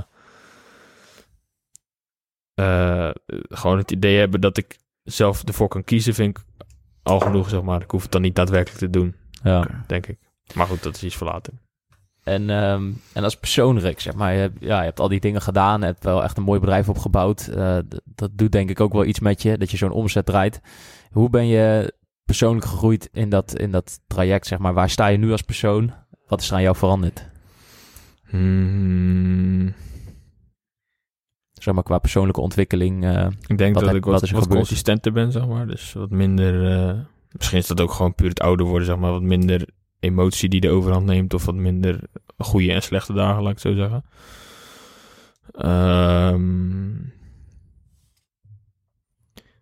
ik kan gek genoeg ook, ook eh, wel meer genieten van andere dingen, zeg maar. Ik, ik ben, ging vroeger ook helemaal niet uit. eh, ja, ik dronk ook niet, zeg maar. Maar nu wil ik nog wel eens de kroeg in gaan. Dan vind ik het heb ik gewoon hartstikke naar mijn zin. En dan wil ik ook, zeg maar, als ik daar ben, daar ook volledig van genieten. Eh, dus dan heb ik heb ook niet zo snel dan een schuldgevoel van, oh, dan moet ik morgen, eh, kan ik niet opstaan op dezelfde tijdstip als ik normaal opsta. Ehm, dus wat meer van, ik, ik heb denk ik vrij voor mezelf wel redelijk beseft van, er is niet echt een eindstreep of zo, zeg maar. Ja, het is toch wel weer een volgend doel, dus nu ook een beetje ervan genieten. Ehm, en vergeleken met voordat ik helemaal startte, gewoon een stuk zelfverzekerder, denk ik. Ehm, wat uitgesprokener, wat, wat minder eh, bang om een mening te geven of zo. Of, eh, dat denk, zijn denk ik wel belangrijke verschillen met toen. eh toen het gemaakt. Ik zou niet, niet per se zeggen gedisciplineerder of zo. Ik denk juist iets minder, eh, Mhm. iets minder dan aan het begin. Juist wat meer losgelaten misschien. Ja, denk ik wel. Maar je hebt je dus ook wel gerealiseerd van, ja, er blijft altijd een eh, mega to-do-list eh, liggen, zeg maar. Dus gewoon af en toe even Ja. genieten en los kunnen laten van eh Ja, je nou, als die, als die to-do-list gedaan, ja, dan heb je weer een volgend doel staan. Wat je, je denkt van, oh, dat zou ook vet zijn. Of dan, dan zou ik gelukkig zijn, of weet ik wat. Mhm. Ja, Dat is wel heel moeilijk. Terwijl denk ik als ondernemer, tenminste, Ja. ik denk, wij hebben daar ook wel eens over. Maar dat is toch een soort van uitgesteld geluk wat je dan doet. Ja. Zeg maar weet je, net als dat je aan het eten bent, dan neem je een hap en dan denk je, oh, dit proeft echt goed. Maar volgens mij wordt de volgende hap nog beter, weet je wel. En zo is het leven ook een beetje. Dan ga je telkens, ben je bezig, maar je, hebt, ja, je, je leeft toch weer naar een volgend doel toe. ja, snap ik. En daardoor, ik- ik- daardoor mis je soms wel het huidige, huidige moment. Of, of, of geniet je er niet van. Net, ja, net ik als wat je in het begin je, zei. ik snap goed wat je bedoelt, maar ik, ik heb ehm, gel- ge- gelukkig, laat ik het even afkloppen van, ik, heb dat, ik heb dat zelf niet heel erg, zeg maar. Mhm. En ik kan me er wel goed in verplaatsen, misschien dat ik dat vroeger meer heb gehad of zo, maar ik kan ook eh, bijvoorbeeld heel slecht tegen als mensen zeggen, oh, het gaat de tijd toch snel, hè? Dan, Mhm. kan ik, dan word ik gewoon, gewoon geïrriteerd, gewoon van, hou je mond, van, geniet er gewoon van. Het maakt, je kan het toch niet veranderen, zeg maar Mhm. ik kan me daar echt, echt gewoon aan ergeren van, zeg dat nou niet, van, het heeft geen toegevoegde waarde. Nee. Geniet gewoon van nu, zeg maar, ja, of de tijd nou snel gaat of langzaam. Ehm, dus ja, ik, ik weet niet waarom, hoe dat er bij mij in is gekomen, zeg maar. Dat, dat is ook weer gevaarlijk, zeg maar, dat ik denk van, ah, kom allemaal wel goed, eh, ik ga wel lekker feesten. Ja, maar Dat- toch, tot nu toe is het wel, eh, heeft het wel goed voor je Ja, uitgepakt. is en is het goede wel, balans nu toe. Ja. eh, wel chill als je ook die, die rust erin hebt zitten wel. ja. Ja. Ja, en ik denk ook, verschilt bij mij heel erg letterlijk in het seizoen, denk ik. Maar Misschien dat ik in de zomer wat losser ben, in de winter is het toch geen reet te doen. En Ja. dan ben ik Ja. gewoon aan het beuken, korte dagen. Je wat makkelijker in slaap s'avonds. Dat is ook wel natuurlijk, denk ik. Gewoon natuurlijke flow die je dan eh, hebt. Ja, Ja. dat denk ik ook wel. Zeker. ja, dat is eigenlijk wel zo, ja. Dat merk ik eigenlijk zelf ook wel. Als je dan eh, in de winter, dan is het donker en dan denk je eerder van, ah, het is toch donker. Ik ga gewoon achter mijn laptop zitten en gewoon beuken, weet ja, je wel. Of, je, als je tijd naar bed ga- wil, ga- dan ga je dat ook eerder. Want ja, het, is, het maakt het gewoon makkelijker, zeg maar. En in de zomer word je een keer eh, om half tien gebeld over, we gaan nog dit, dit doen, ga je mee? Ja, ja. waarom niet? ja. Ja. Tja. Hey, maar eh, Rick, jij zegt net van ik zoek eigenlijk nog een beetje een coach. Iemand die mij misschien een beetje kan begeleiden met dat hele, hele proces van dat fulfillment en zo. Ja. Heb jij in het verleden al wel eens een paar keer een coach gehad? Ja, maar dat was meer eh, helemaal aan het begin de cursus e-commerce gewoon specifieke kennis. Ehm, een tijdje bij Jaap Hulsman gelopen. Ehm, Oh ja. En ja, Jeff nooit betaald, maar daar woonde ik mee samen. Dus dat was in praktijk eigenlijk ook Gratis gewoon, één op één coaching. Ja. Ehm, Even reclame voor Jeff tussendoor. ja. Tuurlijk.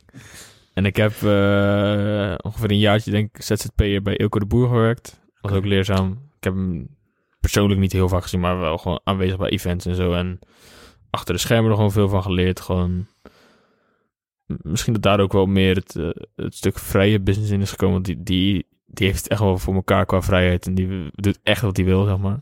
Mm. Ehm, dat zijn een beetje de, de belangrijkste, denk ik.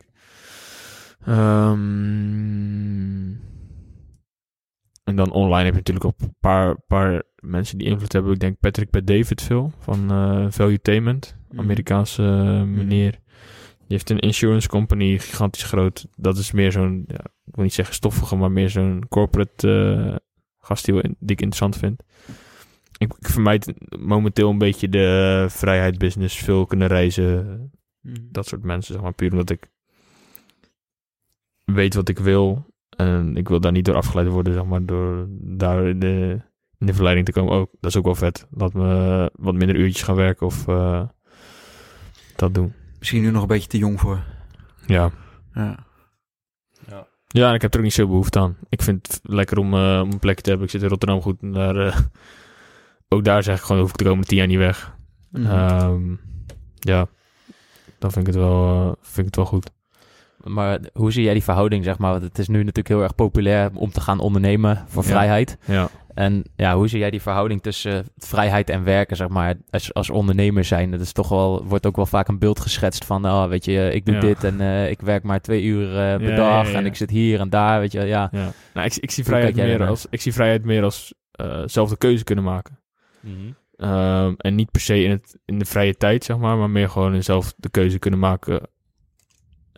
Ga ik vandaag een uur eerder naar huis om naar het strand te gaan, bij wijze van. Ja, ja. Of in mijn geval van, wil ik over twee weken een uur eerder naar het strand. Eh, in mijn geval is het gewoon niet realistisch om dezelfde dag te zeggen, ik kom vandaag niet. Mhm. Eh, en dat is denk ik in Luna wel het gevaar ook, zeg maar. Ja, als er weinig mensen zijn naar wie je hoeft te verantwoorden, denk je als je wakker wordt, oh, laat me vandaag maar even wat rustiger aan doen, zeg maar. Dus dat is ook weer eentje... eh, ehm. En voor, voor mij was het zeg maar ook niet per se voor de vrijheid dat ik ging ondernemen. Het was gewoon eigenlijk vanzelfsprekend. Ik ben er gewoon mee begonnen. Ehm, maar ook tegenover de vrijheid zit denk ik een hele hoop stress die je via andere wegen misschien wat minder zou ervaren. Kan ik niet zo goed over meepraten, omdat ik zelf die wegen niet, eh, niet heb gehad.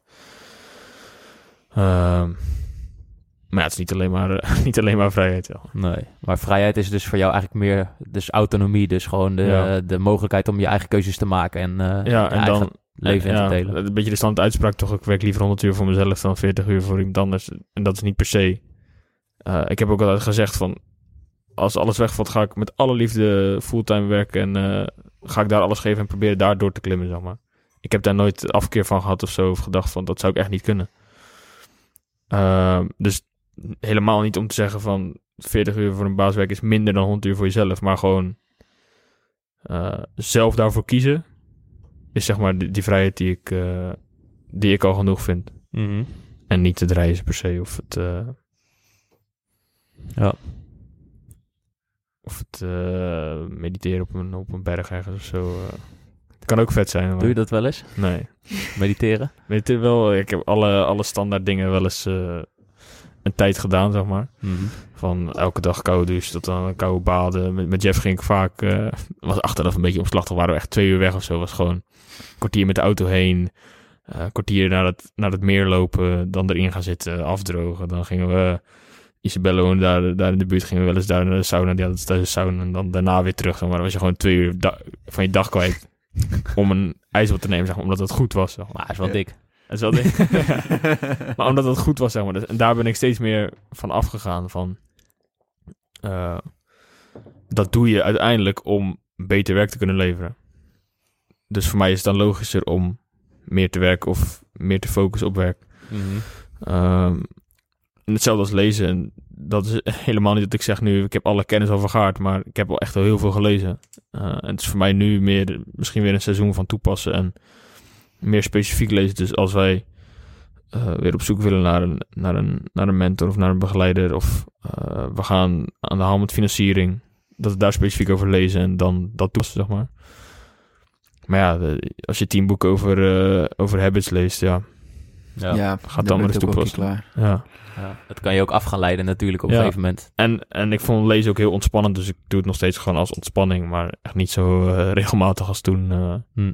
als ik toen deed. Want zeg maar, ehm, ja, dan hebben we het een beetje over disciplines en dingen. Dat ja, heb je dus meer vastgepakt en weer losgelaten. Maar hoe ziet jouw dag eruit? Heb je wel echt een bepaalde routine voor Ja, jezelf erin? Vroeg opstaan is eigenlijk een van de weinigen die, er, eh, die erin is gebleven. Mhm. Wat is vroeg? Half zes nu. Oké.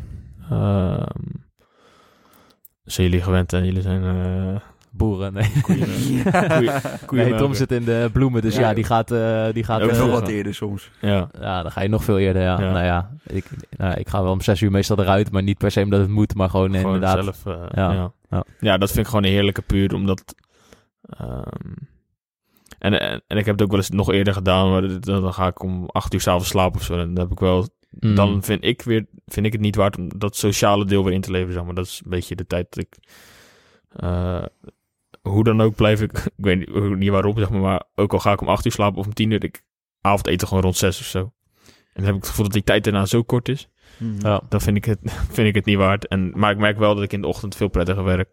Dus vandaar die half zes en dan gelijk naar kantoor ben ik er om zes. Mhm. En dan kan ik voordat er om negen uur iemand anders komt eh, al lekker aan de bak. Ehm, verder gewoon vast, vast voedingsschema vind ik prettig. Ehm, dat zijn vast, vaste tijd naar de sportschool.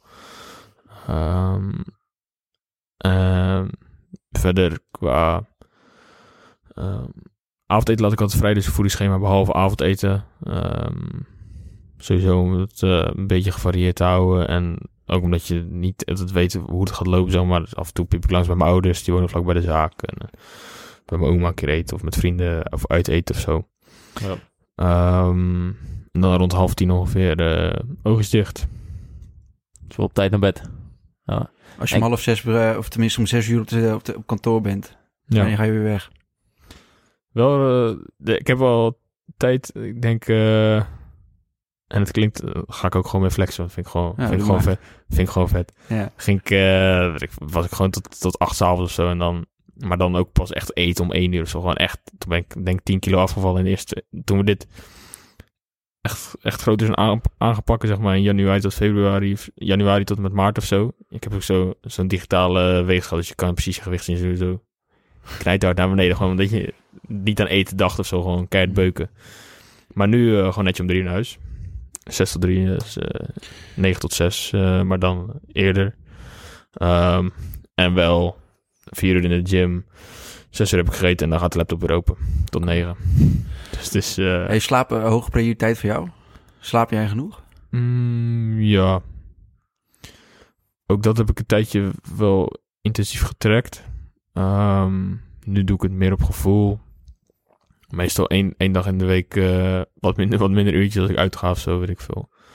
Maar ik zit wel tussen 7 en 8, denk ik. Ja. Ehm, ik merk ook wel, zeg maar, als ik één hele goede nacht heb gehad, dat de dag, nacht daarna iets minder is, zeg maar, dat ik niet op het tijdstip dat ik wil in slaap kom. Dus ik probeer het ook niet veel langer dan die acht uur te doen. Mhm. Ik ben sowieso geen uitslaper. Ik kon vroeger helemaal niet eh, in het weekend of zondag eh, heel de familie sowieso niet. Hoor, maar mensen die dan om één uur middags wakker werden. of zo. Gewoon half acht ochtends was ik gewoon, eh, Mhm.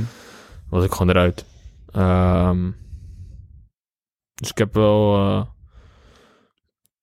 ik- ook veel over gelezen.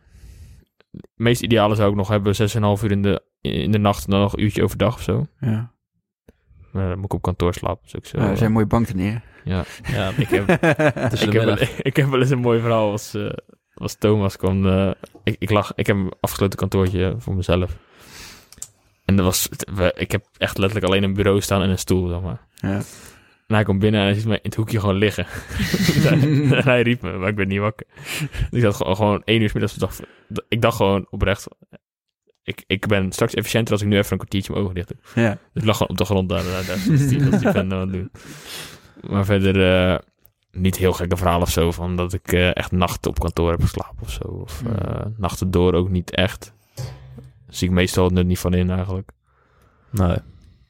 Denk toch dat je dan veel minder efficiënt gaat werken. Dat je, dat ja, het- ja, je kunt gewoon dan, te veel in. ja, Ja, je kunt het wel doen en dat lijkt dan wel mooi, maar dan ben je gewoon, eh, doe, je, doe je zeg maar twee keer zo lang over je werk ja waarschijnlijk. kijk, en als je een deadline hebt, dan kan het wel. Zeg maar. Ja. Dus- en dan, dan Eén weet je, die, die, die dag dan heb je niks. Oké, dan, dan, dan even knallen. Ja, Maar eh op lange termijn. is niet efficiënt. Nee. Nee. Nee. Klopt. En voedingsschema, je zei net voedingsschema. Wat, eh, wat doe je nu qua eten? Mm, half zes eh shaky met havermout, eiwit, eh, banaan, water. Eh uit mijn hoofd. Ik heb hem overal hangen, dus ik weet niet helemaal. Acht uur van die skier kwark Mhm. met ananas. Dan heb ik tussendoor nog drie boterhammen met ei. Dan rond een uurtje of één lunch, warm eh muscle meat. Dat is friet, zoete aardappelfriet met groente nuggets en, en kip, kipfilet. Dan een uurtje of drie, als ik net thuis ben, is het eigenlijk half vier. Eh rijstwafels met pindakaas voor de gym met de appel. Dan gym, dan avondeten. En dan na het avondeten nog kwark met eh cashewnoten. Keel. Dan zit je wel aan 4000 calorieën. Ja, ja, ja. Ja, ik, ik woog eh, in de tijden van Luna ook 100 kilo. 100 kilo? Ja. Echt? Ja, ja. Tering. niet helemaal, niet helemaal droog, maar Nee. Wel vrij bulky. Maar eh, Ze zaten er wel aan. die ze zijn er ook weer afgegaan. Ik ben nou 90. Lekker man. Daar wil ik het ook graag op houden. Ik vind het nu niet meer waard om eh, qua focus. hebben we Zoveel, eh, zoveel ingeleverd gewoon qua, qua dipjes, zeg maar, die je, die je hebt als je zo fors bent.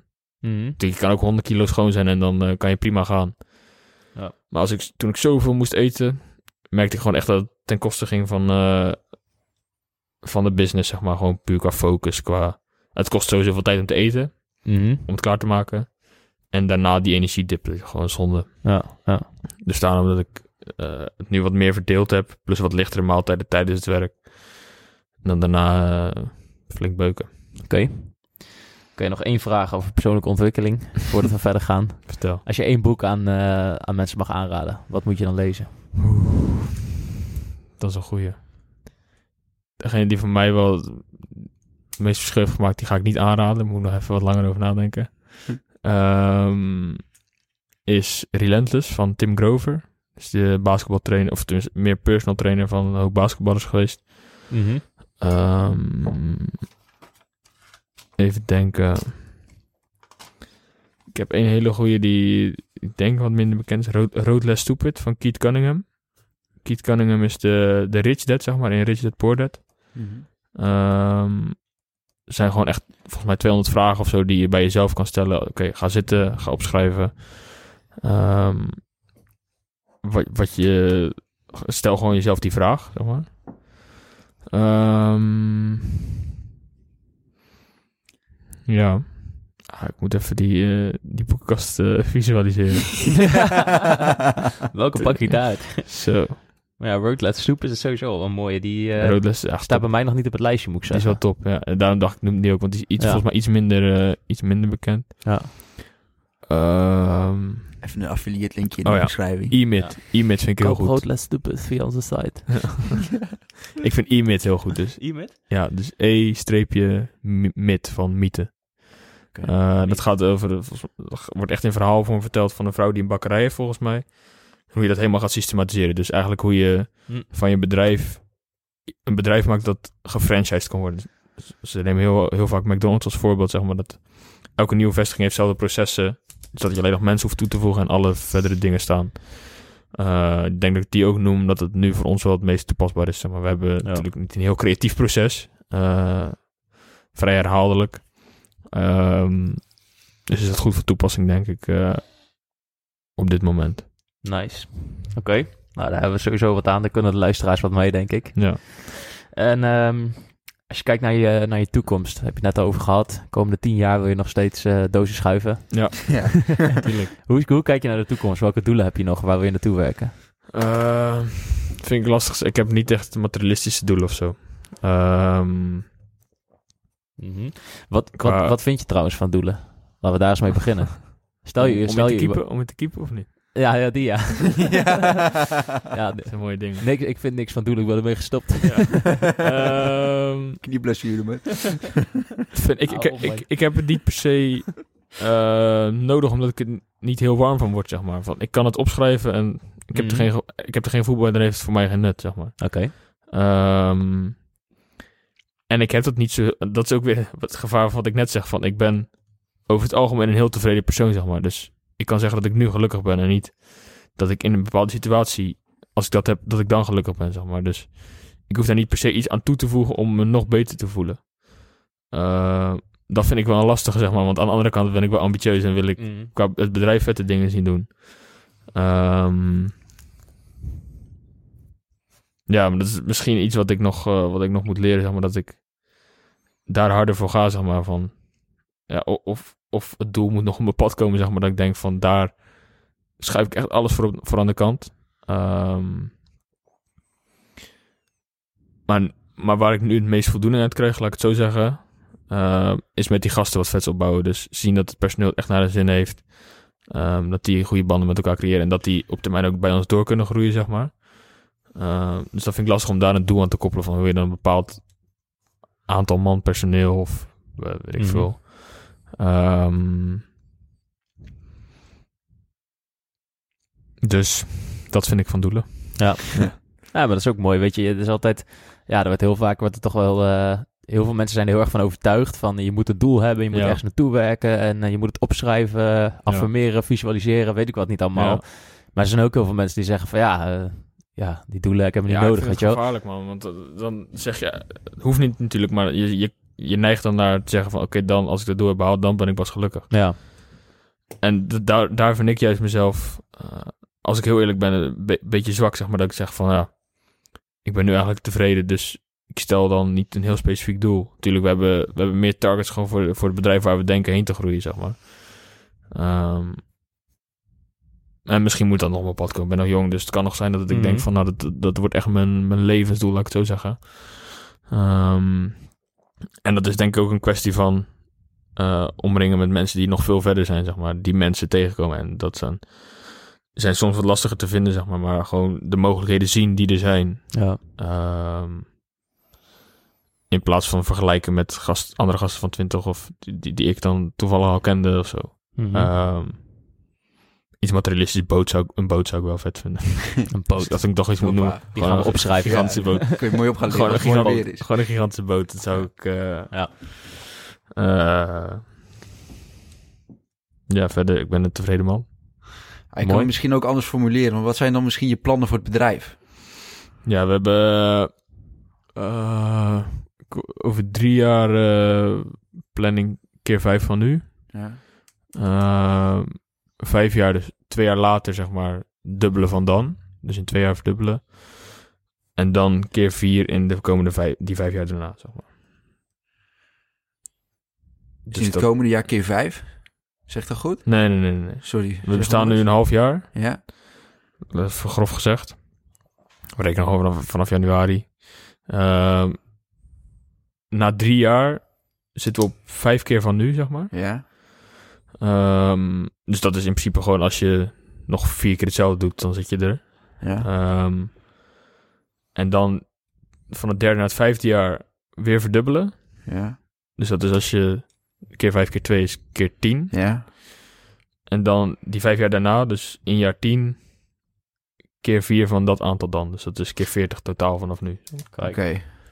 Dus in jaar mooie- drie, mooie term. over drie jaar 75 man. Over twee jaar 150 man. En daarna 600 personeel. Dat hebben we wel opgeschreven. Ja, netjes Ja? hè? Ja.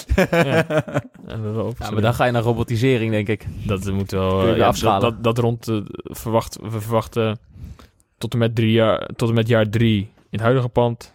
Dan een nieuw pand bouwen of kopen en daar gelijk robotisering eh, toepassen. Ja.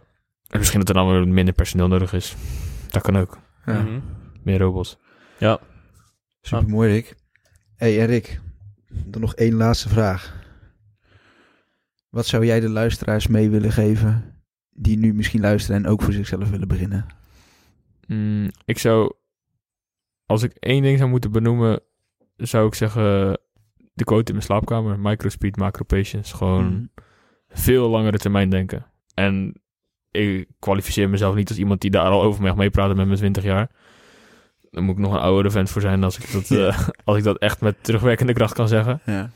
Ehm, maar ik denk wel dat dat, ju- dat dat het juiste pad is, zeg maar. En ik voel, ik voel ook niet de, de, dat ik de juiste persoon ben om echt te zeggen van je moet dit en dit doen. Maar als ik dat zou zeggen van, dat geeft mij in ieder geval en een hoop meer rust. Ehm, meer voldoening. En eh, betere keuzes, denk ik gewoon. Want die keuze die je nu maakt, moet over tien jaar nog steeds een goede keuze zijn. In plaats van nu snel er geld mee verdienen en dan over tien jaar denken, oh, dat heeft mijn reputatie gekost of dat heeft eh, een klant gekost. Ehm ik las laatst een tweet van, eh, if, if you have to, to choose to lose the money or the or your reputation, choose the money. Mhm. Want dat, dat kan je weer terugmaken, zeg maar. Zoiets, zeg maar. Van, je neemt gewoon wat meer rust bij beslissingen. Omdat je weet, het moet over tien jaar. Ehm, en zodra je... eh, kijk, tot die, tot die tijd dat we met dit bedrijf eh, winstgevend waren... heb ik ook gewoon keihard gebeukt en was er niks anders, zeg maar. Ehm, maar als het eenmaal staat, en dat is niet per se van... eh, Dat, zeg maar, alles heeft ook weer een, weerlegging, zeg maar. Dus de meesten zeggen juist, als je momentum hebt, gas bij. En zo staan wij er ook in. Alleen wel liever gas bij met extra personeelslid erbij, zeg maar. Niet ten koste van jezelf dan nog twee keer zoveel uren maken. Ehm, omdat je dan andere beslissingen maakt, denk ik, als je, als je naar tien jaar kijkt, misschien zelfs naar twintig jaar. En dat is het voordeel. Ik denk dat de meeste gasten die hier naar luisteren vrij jong zijn. Mhm. Ehm, dat is een gigantisch voordeel. En natuurlijk niks tegen, misschien luistert iemand die 50 is. Maar dan is het gewoon lastiger om dan in 20 jaar te gaan denken, want dan ga je met pensioen. Ja. Ehm, dus dat is wel het voordeel wat je als jonge gast... eh, jonge, en daarom maakt het ook geen reet uit of je 16 of 26 bent. Die 10 jaar maakt niet zoveel uit als je toch op 30 jaar gaat kijken. Mooi, Rick. Ja, Bedankt. hartstikke mooi. Ja, Rick, ben een beetje sprakeloos van. Ongelooflijk. Nee, mooi. Echt, eh, ja, gewoon een super, eh, super vet verhaal. En sowieso, eh, ja, ik denk voor, voor ons en onze luisteraars echt ja, heel, erg, heel erg inspirerend ook. Ik hoop Ik moet echt zeggen, gewoon echt dik respect voor wat je hebt opgebouwd. Ja, ook in zo'n af, korte 100%. tijd. Dat is, Bedankt, dat is echt, ja, moet ik echt oprecht zeggen. Dat, dat vind ik echt heel knap. Ik denk, dat spreek ik namens ons drieën. Ja, 100%. En ehm, ja, wat ik zeg, daar kunnen heel veel mensen denk ik wat van leren. En het is ook gewoon echt een eh, succesverhaal. Het is daarbij eh, ja, natuurlijk ook eh, soms ja, gevaarlijk om daar alleen maar naar te kijken van hoe snel het gaat. Maar ik Ja. vind hoe jij het hebt gedaan is natuurlijk gewoon super tof. En hoe relaxed je daarin staat en eh, hoe je erover praat. Dankjewel. Heel oprecht. Dus eh, ja, we willen je bedanken voor je komst. Bedankt voor de En, uitnodiging, mannen. Ja, voor het, voor het hele Was mooie even een verhaal. Ja, zeker. Maar dan heb je ook wat. Even twee uurtjes kachelen. Ja. Ja, ja, goed. Nou, dan heb je ook wat. Dus eh, Zeker. Wij gaan er weer wat moois van maken. we gaan er wat moois van, van maken, inderdaad. Ik wil in ieder geval de luisteraar ook eh, hartelijk bedanken voor het luisteren. Eh, vond je dit nou tof? Deel het dan met je vrienden op je socials. Eh, stuur het via eh, WhatsApp. Stuur even de Spotify-link door. Als je vrienden hebt eh, waarvan je, je denkt van die kunnen, hier, die kunnen hier wat van leren. En eh, ja, wil je ons eh, sponsoren voor, eh, voor extra, eh, extra eh, videomateriaal en andere dingen, dan kun je altijd even doneren via onze website. Wil ik jullie hartelijk bedanken en eh, een hele fijne avond. Tot de volgende. Rick, bedankt. Bedankt, mannen. Hartstikke goed. Hoppa. 80 minuten gezeten. 80 minuten? Ja.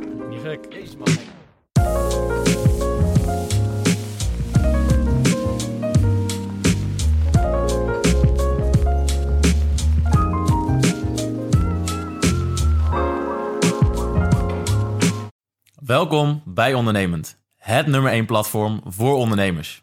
Bij Ondernemend vind je alles om jezelf naar het volgende niveau te brengen en jouw bedrijf te starten of op te schalen. Bij Ondernemend bieden we een netwerk met de beste ondernemers van Nederland. Gecombineerd met kennis en een hechte community. Met de kennis van ons platform krijg jij als ondernemer meer structuur, rust, cashflow en vervulling. Ondernemend is jouw sleutel tot een nog succesvollere ondernemersreis. Dus wil jij samen met ons jouw maximale potentieel benutten? Join dan onze community.